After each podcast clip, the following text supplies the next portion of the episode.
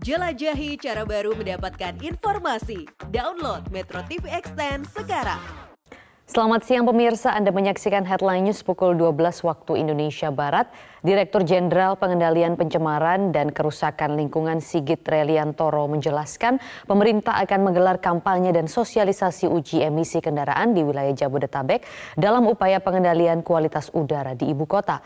Pengelolaan udara di ibu kota juga akan melibatkan seluruh pihak di wilayah Jabodetabek kita lakukan adalah uh, mulai melakukan kampanye dan mungkin juga akan segera dilakukan enforcement untuk uji berkala kendaraan bermotor.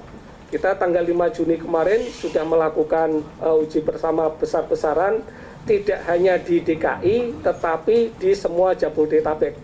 Dan dari situ kita juga belajar, ternyata pendekatannya pencemaran udara di Jakarta tidak cukup dilakukan oleh uh, pemerintah DKI, harus melibatkan ring daerah uh, sekitarnya. Sehingga kita melakukan koordinasi uh, pertama tanggal 18 Juli dengan seluruh uh, Jabodetabek.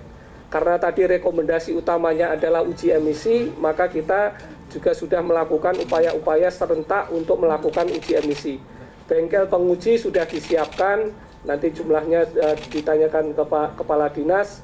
Kemudian orang yang melakukan uji emisi juga sudah disiapkan, bahkan uh, sertifikasi juga sudah dilaksanakan untuk menjamin bahwa bengkel-bengkel dan orang-orang yang melakukan uji emisi itu memang standar. Kemudian kita juga sepakat pendekatannya pengelolaan uh, udara kualitas udara di Jakarta itu pendekatannya adalah kewilayahan regional Jabodetabek, tidak eh, sendiri-sendiri di DKI.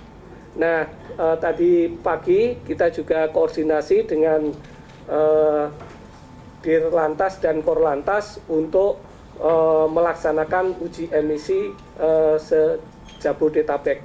Dan sudah ada kesepakatan kesepakatan yang akan kita tindak lanjuti dan tentu akan ada sosialisasi untuk pelaksanaan